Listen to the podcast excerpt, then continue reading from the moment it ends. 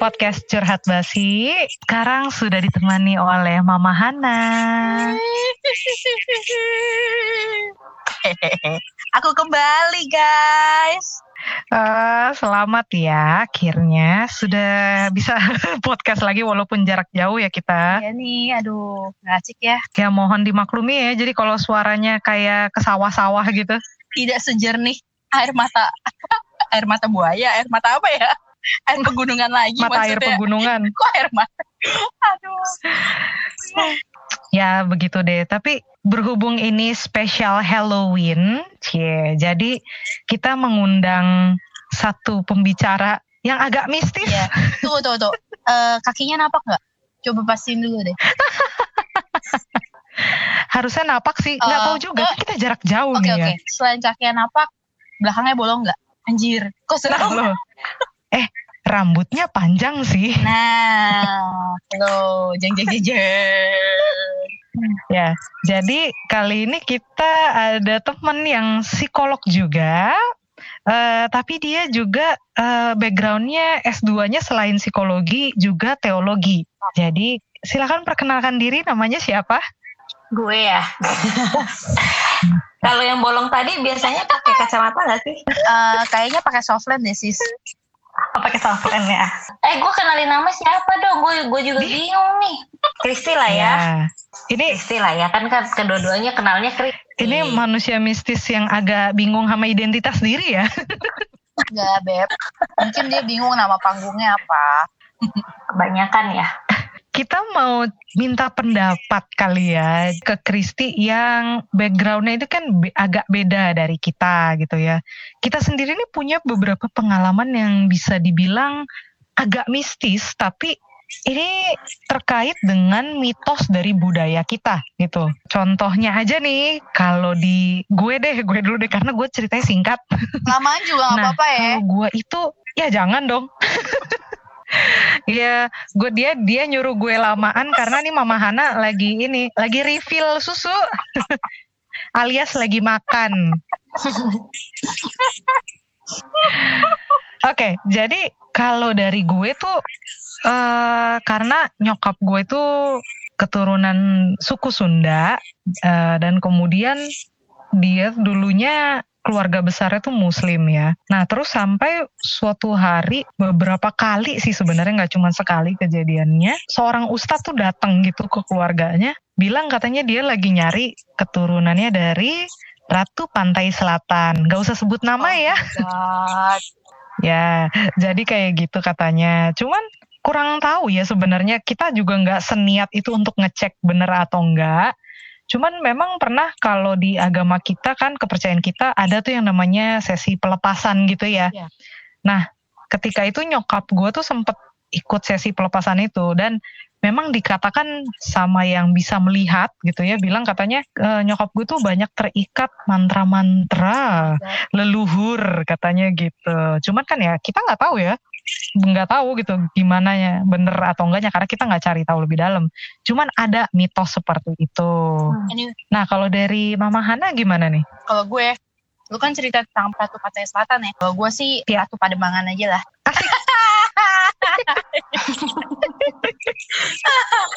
nah oke. Oh enggak lah, bercanda, bercanda, bercanda. Jadi gini, kalau urusan klinik-klinikan kayak gini ya, gue sih eh, bersyukur banget ya terlahir dari keturunan eh, Medan. Mm-mm. Em, bapak gue kan memang eh, asli orang Medan nih. Yang Mm-mm. nggak tahu ya kalian pada tahu atau enggak, tapi di Medan itu kental banget sama tradisi-tradisi yang gue nggak tahu itu tradisi apa ya dibilang eh, agama Buddha enggak Konghucu enggak gue juga nggak ngerti ya ini tradisi apaan Hmm. yang pasti Mm-mm. banyak banget men hal-hal mistisnya contohnya nih ya di Medan itu ada Mhm. orang eh nih bapak gue ikut satu perkumpulan perkumpulan dia bilangnya sih menyebutnya perkumpulan wihara Tapi ya emang sih kayak Oke. di ruko gitu mereka ada lilin, ada patung-patung eh, yang dewa-dewa. Gue nggak tahu tuh dewa apa aja, pokoknya banyak banget ya. Terus mereka berdoa, sembayang. Lalu eh, ada kayak apa ya? Bukan kalau kita kan kalau di Kristen kan pendeta ya. Ini gue nggak tahu nih bilangnya apa ya. Yang pasti ini orang katanya punya karunia, punya gift. Jadi dia punya karunia bisa dimasukin dewa-dewa men. Lucu kan? Oh wow. Yes. Nah terus gue kan Hmm. ya kalau gue cuma denger bapak gue, bapak gue kan selalu excited ceritain hal-hal seperti ini nih. Jadi dia sering nih pulang dari Medan, uh, dia bilang gini dengan bangganya, Han, tadi Han ya, uh, uh, si itu, si siapa ya, Cekong, gue disuruh manggilnya Cekong pokoknya. Si Cekong kemasukan uh, apa ya dewa apa? Chosu, gue nggak tahu ya Chosu apa gue nggak tahu. Yang gue tahu adalah Chasio, enak. nah, jadi gue gak tahu maaf loh Chosu gue beneran gak tahu itu dewa apaan nah tapi bapak gue bilang gini si gue kan ceritanya mau datang ke situ surprise nih kata bapak gue gue nggak bilang siapa-siapa tiba-tiba katanya orang sana oh si Chosu bilang si monyet mau datang hah gue kaget. Bapak gue kok bangga disamain nama monyet? Ternyata itu show bapak gue. Show monyet gitu loh maksudnya mau datang lo harus eh, siapin tempat Oh. gitu loh. Karena menurut orang sana bapak gue itu anak kesayangan si Chosu oke? Hmm. gue kalau dengar kayak gitu kan gue cuma terbahak-bahak atau ya nggak mungkin gue terbahak-bahak depan muka bapak gue kan. Terus gue yang cuman ah elah gue masa sih kayak gini? Gue nggak percaya gitu kan. Eh eh somehow waktu apa nih gue mau merit cong. Kan gue udah pernah cerita tuh gue dibawa ke Medan. Mm-mm. gue ngelihat hari baik gue dibacain gimana nih jalan hidup gue jalan hidup suami gue. Terus nanti cocok atau enggak gitu-gitu kan. Anak gue ada berapa semuanya dibacain kan Bo. Nah terus eh gue baru lihat tuh. Sebenarnya itu kayaknya gue bukan yang pertama deh dulu waktu masih kecil banget gue pernah lihat cuman gue nggak nggak gitu memperhatikan banget gitu Eh dari awal sampai dia kemasukan sampai sampai prosesinya bagaimana gue nggak terlalu perhatiin Nah, kemarin gue bener-bener lihat tiba-tiba pas di wihara itu bapak gue bilang, Han, Han, Han, cepet masuk, cepet masuk. Apa sih gitu kan? Gue nggak ngerti kan. Padahal gue nurutin aja daripada gue dimaki kan ya. Tiba-tiba Hmm. tuh orang lagi duduk di singgah sananya ya. Jadi ada kayak meja, meja biasa sih sama kursi yang agak besar. Terus dia tuh kayak nutupin mukanya pakai kayak kertas atau kain warna kuning. Gue nggak tahu karena gue nggak pegang. Dia tutupin terus tiba-tiba gebrak. Dia, aduh kan seru kan gue. Maksudnya dia mukul meja gitu, jebruk. gitu. Kaget kan gue. Anjir, apaan nih? Kenapa nih orang? For your information, ini orang gue kenal. Kalau dia lagi sadar, gue sering ngobrol, gue sering makan bareng. Kita hubungannya baik banget sama nih orang, sama si Cekong ini. Nah, terus udah nih, udah begitu, apa namanya, begitu dia ge- gebrak meja, eh ini suaranya berubah, Cong. Terus orang gue nggak ngerti dia ngomong apa karena bahasanya bahasa bahasa Mandarin tapi bukan Mandarin gue nggak tahu lah bahasa mereka pokoknya bahasa begituan yang gue kagak ngerti gitu loh apa bahasa Hokkien atau apa gue Hmm. nggak ngerti. Terus orang sana kocar kacir kan kayak ini siapa ini siapa? Oh ini Chosu oh ini Chosu. Terus disiapin di situ memang ada kayak rak baju kayak hanger. Isinya tuh kayak beberapa set baju. Nah, langsung diambilin tuh baju dipakein. Terus sudah tuh dia duduk diem terus ngobrol interaksi segala macem. Satu-satu nanya ada yang di ada pokoknya gue gak ngerti tapi dia tuh ada yang marahin orang. Marahin itu yang bener-bener dimaki-maki kenceng gitu ngomongnya nadanya tuh gak asik banget gitu ada yang di, dibaikin pokoknya begitu Hmm. bisa ketawa. Dan itu suaranya totally different beda banget. Gokil kan? Gue gak ngerti itu ilmu dari mana. Itu yang jelas-jelas gue lihat. Nah sebelumnya ini orang kan eh, memang udah tua dan memang ada sakit. Entah sakit ginjal atau apa ya. Dulu dia pernah dirawat di Singapura. Nah gue sama keluarga gue pernah datang tuh ke situ. Terus gue inget banget meskipun gue nggak ketemu dia langsung waktu di rumah sakit jadi gue cuman numpang jalan-jalan dong sama kakak-kakak gue gitu loh. Yang urusan rumah sakit sama gue sama bapak gue gitu. Terus eh, udah begitu ini mak gue sama bapak gue cerita tonggahan dokternya bilang nanya ke keluarga ini orang semua kerjaannya apa? katanya. Ah kerjaannya dia kayak eh, pengerja di wihara gitu lah ibaratnya ya bahasa bahasa kita pengerja di gereja. Di wihara gue kagak tahu lah apaan ngomongnya. Terus dia bilang tadi pas gue lagi bius dia gue lagi operasi dia dia tiba-tiba sadar dan dia ngomong. Suaranya beda dia ngomong tolong bantu orang ini. Eh, dia punya penyakit ini dan lu harus selamatin dia. Intinya kayak gitu. Gue kaget dong. Gue ya kita kan nggak ngeliat ya. Jadi kita nggak percaya. Ya mitos-mitos kayak gini tuh kental banget di Medan. Jadi orang-orang sana kalau misalnya sakit eh, maksudnya dalam tanda kutip sakit mentalnya ya stres kadang-kadang kita tahu ya ada banyak eh, apa ya bentukannya nih. Kalau misalnya kita stres kita repress masalah kita ada yang jadi kadang-kadang eh, perilakunya jadi burnoutnya aneh-aneh kan. Ada yang bisa marah ngamuk segala macam gitu. Nah mereka menganggapnya eh, mereka tuh bukan perlu dibawa ke dokter atau psikolog. Mereka cukup dibawa ke ini ke orang ini gitu loh. Jadi dianggap bisa menyembuhkan. Segitu kentalnya loh budaya ini tradisi ini di Medan. Sampai kita semua pokoknya kayak apa-apa. Orang gue pernah dengar juga ya anak eh, ada yang eh, salah satu pekerja di wiharanya gue tanya kan kok Ii kerja di sini sih? Maksudnya masih muda. Gue gue lancang juga sih gue nanya kayak gitu. Suka-suka dia hidup-hidup dia ya terus dia bilang begini iya soalnya anak aku waktu itu sakit demam tinggi. Aku nggak punya nggak punya uang yang eh, cukup untuk bawa anak aku ke dokter. Nah akhirnya aku bawa dia ke sini. Terus dia disembuhin. Nah dari situ jadi kita jadi percaya banget sama adanya dewa-dewa ini dan dia merasa dia ditolong banget sama dewa-dewa ini. Hanya bener-bener mendewakan para dewa itu gitu loh intinya ya Hmm, begitulah kurang lebih ya kalau kisah-kisah gue. Mistis kan sis? Oke, mistis sih. Gue jadi inget, gue juga ada pengalaman cerita yang agak mirip. Jadi karena dikatakan keluarga gue itu punya eh, apa keturunan dari Ratu Pantai Selatan, jadi ada kakeknya nyokap gue itu yang punya ilmu gitu juga. Jadi suatu hal ini nyokap gue sendiri yang merasakan. Jadi kata dia dulu waktu dia remaja, di, nyokap gue itu pernah ketumpahan air panas kakinya melepuh. Tapi kakek gue datang cuman nempelin golok ke kakinya itu sembuh tanpa ke dokter gila dan tidak ada bekas. Jadi sampai hari ini kaki nyokap gue mulus gitu loh. Kayak kaki-kakinya SNSD gitu. wow Cuman agak keriput aja. terus kecilnya kayak sumpit-sumpit atau lidi-lidian gitu juga wow mantap ya Cuman maksudnya ada ada kepercayaan seperti itu gitu dan dan itu nyokap gue sendiri yang merasakan gitu ya. Nah, eh, mungkin sekarang dari Kristi kali ya. Kalau dari kalau dari lu sendiri sebenarnya eh, lu percaya nggak sih ada kayak mitos budaya gini gitu? Ada mungkin lu juga pernah mengalami gitu. Lu pernah belajar atau mungkin dari latar belakang lu sebagai psikolog dan pernah belajar teologi, pernah nggak sih belajar juga di sit- di ilmu itu gitu tentang mitos budaya yang kayak gini gitu?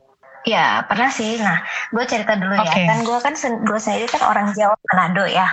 Cuma eh, lebih mungkin yang eh, lebih banyak yang ngomong-ngomongin mitos tuh mungkin lebih ke Jawanya nih. Oh, Yang kalau di Jawa tuh yang terkenal dengan kata pamali. Padahal gue juga nggak tahu itu bapaknya siapa kan ya. nah, eh, apa pamali ini kan biasa kan orang misalnya kayak eh, ya yang kalau dari keluarga gue sendiri sih keluarga inti gue itu mereka kita sih nggak ada yang percaya dengan hal-hal seperti itu. Tapi mungkin dari eh, eh, Pak De Budi gue Om Tante gitu yang mereka dari Jawa atau kan dulu biasanya kan eh, mbak-mbak kan maksudnya yang bantu di rumah kan juga mereka kan biasanya orang-orang Jawa kan. Jadi eh, kadang kan suka sharing juga kan tentang oh ini nggak boleh begini nggak boleh begitu. Contohnya kan kayak eh, oh kita kalau makan nggak boleh di depan pintu nanti pamali dikit-dikit ngomongnya pamali dikit-dikit ngomongnya pamali gitu. Gunting kuku nggak boleh malam-malam Iya. nanti pamali hmm. gitu. Nyapu kalau nggak bersih nanti suaminya Coy. bakal brewokan gitu nah. Lah suami gue botak. Gimana dong itu juga tuh gue tadi barusan ya kepikiran mau ngomong itu gue sengaja tuh dulu wah udah gedean oh, gue sengaja nggak mau bersih bersih nyapunya biar dapat yang brewok brewok dikit gitu ya eh kagak tuh yang brewok bagian yang lain Nah, itu dia maksud gue. Coba lu cek. Mungkin ada brewok, ya, tapi brewok yang ba- bagian yang lain kan?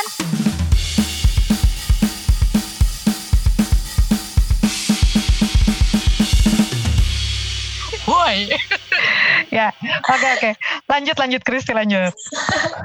ya ya ya kayak gitu-gitu sih nggak eh, maksudnya kalau untuk soal mitos-mitos yang kayak Jawa gitu yang kita pamali sih memang dari keluarga gue sendiri kita nggak percaya gitu ya dan memang tidak diajarkan seperti itu nah cuma kalau dari gue mungkin ceritanya eh, karena bokap gue sendiri juga pendeta Hmm. eh, waktu si zaman zaman gue masih kecil itu dia sering ngambil pelayanan pelayanan pelepasan. Hmm. eh, pabrik angker atau rumah-rumah yang ya yang udah lama nggak dihuni gitu dan ya seperti itu gitu. Dan yang pernah gue dengar ceritanya juga kan ada salah satu om gue yang dia dulu ikut merpati putih. Jadi zamannya waktu masih dia mau eh, bertobat itu pelepasan karena ketika pelepasan itu dia bisa sampai terbang dia beneran terbang gitu. dan dan gue sendiri juga diceritain ya gue nggak lihat ya. Jadi gue diceritain bahwa dia tuh terbang gitu. Kalau misalkan dari cerita dari bokap gue kalau pas lagi pelepasan pelepasan itu kan kita nggak bisa main-main ya. Jadi bisa misalkan orang itu dia kerasukan eh, eh, misalkan contohnya eh, yang masukin dia itu misalkan kerasukan eh, ular gitu atau eh, roh-roh ular atau roh-roh apalah gitu. Ada yang dia bisa membanting dirinya sendiri. Ada yang dia bisa manjat ke tembok gitu. Dia bisa eh, teriak-teriak dengan suara yang eh, apa memang berubah gitu bukan suaranya dia gitu. Makanya eh, kalau pelayanan-pelayanan kayak gini biasanya nggak boleh main-main. Karena kalau main-main dan yang melayani juga takut itu tuh bisa kayak balik gitu loh.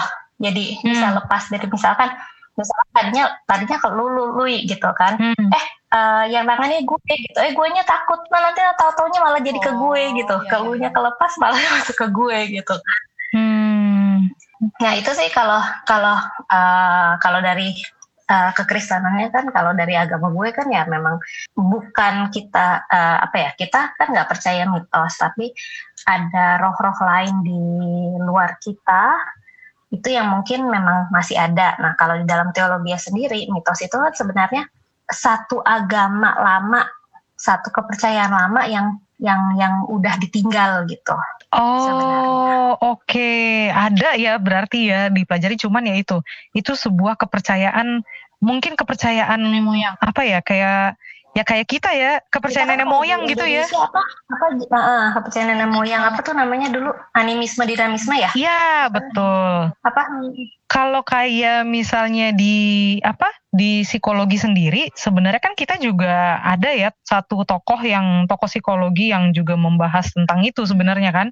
gitu dari teorinya Jung kan gitu juga dia juga kan ada animismenya juga dia juga membahas tentang mitologi juga nah cuman kalau menurut lu nih Kristi ini semua juga bisa mempengaruhi nggak sih dalam pembentukan kepribadian seseorang gitu maksudnya karena kepercayaan-kepercayaan ini mungkin seseorang menjadi seperti apa gitu Ya kalau gue sih balik lagi ya itu kan ke orangnya masing-masing.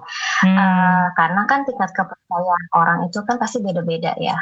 Dia Ah, percaya benar. sama apa beda kan ya. Gitu. Jadi em, apa mungkin apa yang eh, apa yang disembah pun kan juga bisa beda-beda kan. Jadi itu balik lagi sih ke orangnya masing-masing hmm, gitu. Kalau misalkan teologi sendiri di Alkitab kan ngomongnya sesuai dengan imanmu jadilah padamu gitu. Jadi ya imannya ke mana, arahnya ke mana pasti ya eh, ya gitu deh. Lu percayanya ke mana gitu. Kalau Oh. kalau kita secara eh, kalau mitos misalkan kayak kayak gunting kuku malam-malam ya logikanya aja lah gunting kuku malam-malam mungkin udah gelap kan ya gitu kan. Hmm, terus gak boleh makan di depan itu ya kurang ajar lah gitu. Atau maksudkan orang kan mondar mandir lewat di situ. Lu lu gangguin orang lah kalau lu makan di depan pintu gitu Tapi, kan Tapi, Iya, tapi benar ya, logisnya eh, tetap itu kayak dapat alasan logisnya. Tapi kalau nyapu nggak bersih dapat yang model kayak David Beckham itu gimana ya logisnya ya? sorry banget. Gue masih mencari titik logikanya gitu men. Titik terangnya. nah itu mungkin Gua itu sama gue gue tahu itu. sih gue tahu sih maksudnya jadi gini kalau kata orang dulu kalau kata orang dulu laki-laki itu kan yang oke itu kan yang klinis Iya, iya, tahun-tahun 80-an ya. Ah, ah, gitu say kan beda sama Iya. zaman kita. Kalau zaman kita kan udah David Beckham gitu kan idola-idolanya eh, Iya, Hugh Jackman Zac gitu ya kan. Efron. uh. Nah ya kan? Hmm ya makanya jadi oh iya tadi juga sebenarnya yang kayak mitos Ratu Pantai Selatan tuh kan dibilang kan katanya di pantainya jangan pakai Hijau. baju warna hijau gitu ya. Oh, Nah, sebenarnya itu juga ada logikanya gitu. Logikanya adalah takutnya kalau ketarik atau gimana Nggak itu eh, nyaru gitu loh dengan warna airnya sebenarnya itu. Eh, tunggu deh. Gue pengen, eh, gue jadi inget nih, Eh. ngomongin si Ratu Selatan, gue jadi inget eh, Mm-mm. sekitar oh, waktu apa ya? Waktu ada bom Bali, lu inget gak sih yang Pedis Club itu ya, kalau nggak salah, gue lupa lah. Pokoknya yang heboh banget itu, Hmm, eh, kita dulu gue kan atlet jet ski ya, bu. Buka kartu nih gue. Oh, Iya dulu gue Oke. memang ya ikut dengan gituan lah klub jet ski gitu. Gue kakak-kakak gue tuh semuanya ikut gitu. Nah dulu setelah ada bom Bali, kita itu mengadakan kayak Bali for the World namanya. Itu jadi kayak eh, national and international cup gitu untuk balap jet ski. Nah gue inget banget eh, di situ Oke. ada balap jet ski yang Uh, jadi balap jet ski itu ada dua, ada yang close course, itu tuh yang memang main kayak ada sirkuitnya gitu, yang bisa kita lihat ini bagaimana gitu. Ada juga yang offshore namanya. Offshore itu adalah kita naik jet Hmm. ski dari dari starting pointnya misalnya di waktu itu pantai Nusa Dua kalau nggak salah. Terus nanti kita harus lewatin mana? Terus nanti ke misalnya ke uh, apa Lembongan. Nah jadi ada ada rutenya gitu beb. Jadi itu kelihatan mata oke. which is sebenarnya itu lebih berbahaya gitu ya. Nah itu ada kejadian tau nggak? Itu depan mata gue sendiri. eh gue kan nggak ikut yang begitu begituan tuh. Gue tunggu di eh, di pinggir pantai Mhm. dengan pedok gue yang indah, jadi sambil minum es kelapa. Tiba-tiba pas mau start itu angin kencengnya kenceng banget, Bo. Terus awannya tiba-tiba gelap. Horor banget, udah kayak mau tsunami gitu loh model-modelannya di film-film kan kayak gitu ya, Bo. Terus itu kita keangkat-angkat. Hmm, horor banget sumpah. Terus mereka start selesai terus kita udah pada kocar kacir dong yang di pantai kan. Ternyata itu ambil berantakan. Hmm. Sta- udah keburu start akhirnya orang-orang banyak yang balik tuh bule-bule banyak yang balik. Karena nggak ada yang nggak ada yang berani ngambil resiko. Dan ternyata setelah pada balik ditungguin ada dua orang yang hilang bo. Orang Indonesia ya tapi ya. Satu anak muda satu lagi bapak-bapak. Eh, dua-duanya tapi bukan pakai jet ski warna hijau.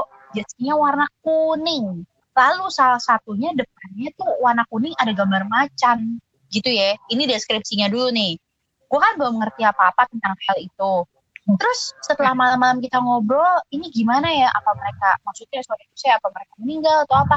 Kita nggak ngerti nih gitu kan ya ternyata salah satu ketua acaranya buka kartu ke kita sebenarnya mereka Hmm. itu nggak eh, maksudnya eh, apa ya orang-orang di Bali itu bilang ini bukan hari yang tepat untuk mengadakan acara ini karena ini bentrok sama kayak perayaan Ratu Pantai Selatan gitu loh ngomongnya. Jadi memang sebelum kita balap kita tuh kayak Hmm. dikasih syarat kayak ada ada upacara-upacara anehnya pakai baju macem-macem, eh enggak sih cuma pakai ka- apa kain terus pakai baju putih dipakein apa kayak bandana or whatever it is lah gue nggak ngerti. Terus disuruh muter mana pokoknya Hmm. didoain dulu intinya. Memang ada ada syarat-syaratan seperti itu ya. Nah terus udah begitu ter- syarat itu ternyata kita lakukan karena eh, sebenarnya itu kita mela- melanggar eh, aturannya si Ratu Pantai Selatan katanya nah makanya si pemuka agama itu bilang bukan pemuka agama ya gue nggak tahu namanya apa. Pokoknya dia bilang ini benar kan seperti yang gue bilang ini tuh nggak boleh. Hari ini diadain balap ya ini akibatnya. Ada dua orang yang hilang. Terus ternyata dari dua orang yang hilang seminggu kemudian yang satu balik cong. Mereka di eh, mereka nyari nyari kayak cenayang gitu kan. Terus dibacain katanya ini ada dua yang satu masih hidup yang satu lagi udah nggak ada Yang satu pasti balik, yang satu udah dibawa. Dan yang satu yang udah dibawa ini adalah orang yang belum nikah, masih bujang. Iya, jadi Oh wow. gue bukan menjelek-jelekan atau menyindir atau apa ya. Tapi pokoknya menurut mereka, si Ratu Pantai Selatan ini akan mengambil orang yang masih bujangan. Gue nggak nggak tahu tuh. Itu mitos, tapi kok itu beneran terjadi gitu loh. Gue kagak ngerti kenapa bisa begitu gitu loh. Kenapa dia nggak ngambil yang lain. Nah, gue jadi inget itu, Bo. Iya balik lagi kan kayak tadi kan sebenarnya percayanya kayak gimana? Percayaan setiap orang seperti apa? Karena kan itu kalau di eh, teologi kan itu kita kan Ah, nyebutnya iya, kan okultisme ya sebenarnya. Mm-mm. Ah, kayak kuasa-kuasa kegelapan gitu. Jadi memang ada kayak kepercayaan-kepercayaan kayak gitu yang kita tuh mengikatkan diri gitu ke arah situ. Jadi itu yang dipercaya kita juga eh, mengikatkan diri ke sana yaitu yang terjadi gitu percayanya begitu bakal oh iya kan Ratu Selatan yang belum punya pasangan apa gimana jadi yang Ngeri cari kan? yang- Ngeri kan? Yang Tapi ya yang pada jomblo, jomblo ini sih perak ya udahlah. Kalau mau nyari pacar, ya kalau udah desperado ya silakan lah. Gue sih nggak ngelarang ya. Gila lu. yang Iya cowok dong ya dia Gak ada ceritanya sih kalau cewek. berarti yang cowok ya kalau kalau kalau kalau yang cewek yang hilang gimana dong ya? Ter- terakhir nih kalau gitu. Terakhir ya. eh gue pengen nanya pendapat lu. Jadi karena kita nih hidup di negara yang memang kental banget dengan mitos-mitos budaya seperti itu ya. Masalah ini Iya. pamali lah, itu Bu Mali Mali. lah gitu kan. Ini siapa lah gitu. Iya. Dek Mali lah, Iya. Kakak Mali lah, ya kan. Bahkan nggak cuman mitos-mitos budaya seperti itu, tapi juga kayak yang dulu pernah gua bahas sama Mahana, kayak mitos anaknya kalau nungging mau punya minta adek lah. ya terus maksudnya kalau anaknya lahir garis satu Iya, cowok garis dua iya, cewek makanya. adiknya katanya ya Gue membuktikan itu mitos ya guys. Nah, gue iya. membuktikan. Baru saja gue buktikan nih ya. Gue nggak ngerti apa hubungan garis garis paha Iya, sama iya. Nah, jadi gue mau minta pendapat lu, kayak gimana sih kita harus menyikapi itu gitu? Percaya atau nggak perlu percaya atau gimana harusnya menyikapi yang seperti itu gitu? Cuma ya eh, gimana ya kalau gue sendiri sih eh, karena gue eh, di posisi yang tidak mempercayai hal itu karena Hmm. kan eh, eh, gimana ya kalau kita nggak percaya hal itu eh, kita merasa tidak terganggu ya mereka gue percayanya ya mereka juga harusnya tidak mengganggu kita karena mereka kan memang kalau dari kepercayaan gue mereka memang tidak bisa mengganggu kecuali seizin Tuhan tuh Eh tapi Kalau Oke. gue deh, gue boleh nanya nggak? psikologi Eh, gue mau nanya ke Apa tuh? Rizky nih. Eh, tadi kan lo bilang lo nggak percaya sama gituan. Eh, agak nyimpang sih. Tapi lo percaya nggak ada setan gitu-gitu, ada hantu-hantuan gitu. Lo percaya? ya itu kan It's part of them loh. Iya, iya, iya. Maksudnya gini, gua nggak percaya bahwa itu akan em, apa ya mengganggu kehidupan Hmm. gue, gitu. Karena dalam kepercayaan gua eh, apa namanya kuasa kuasa yang gua percaya itu kan lebih besar daripada Hmm. kuasa-kuasa Jadi mereka, eh, gitu. ini intinya adalah lo percaya Oke. ibaratnya si gelap-gelap ini ada nih ya hantu-hantuan ini ada nih sebenarnya kuasa kegelapan itu memang ada tapi lu nggak percaya kalau kuasa kegelapan itu bisa Mhm. eh, mengontrol hidup lu karena lo tidak percaya itu gitu ya Ya, Iya, jadi mungkin eh, kalau bisa disimpulin sih sebenarnya gini. Jadi eh, kayak istilahnya dark side sama dark side itu ada gitu ya. Tapi eh, semua itu keputusan diri sendiri. Lu mau membiarkan itu menguasai lu, pikiran Mhm. lu gitu, atau ya memilih untuk percaya ada kuasa lain, eh, the light side-nya itu, the bright side-nya itu yang lebih berkuasa atas hidup lo gitu ya. iya, iya. Hmm, oke oke.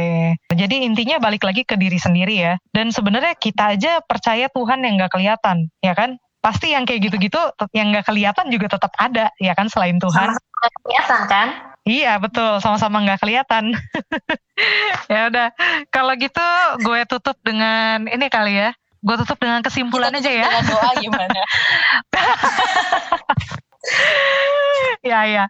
Oke, intinya adalah eh, sebenarnya kuasa-kuasa gelap itu ya atau mitos-mitos budaya itu ada, tapi seberapa besar dia bisa mempengaruhi kehidupan kita atau kepribadian kita itu balik lagi ke diri sendiri Hmm. intinya gitu ya. Eh Mm-mm. sebenarnya mereka itu tidak jahat karena lebih Oh. jahat manusia.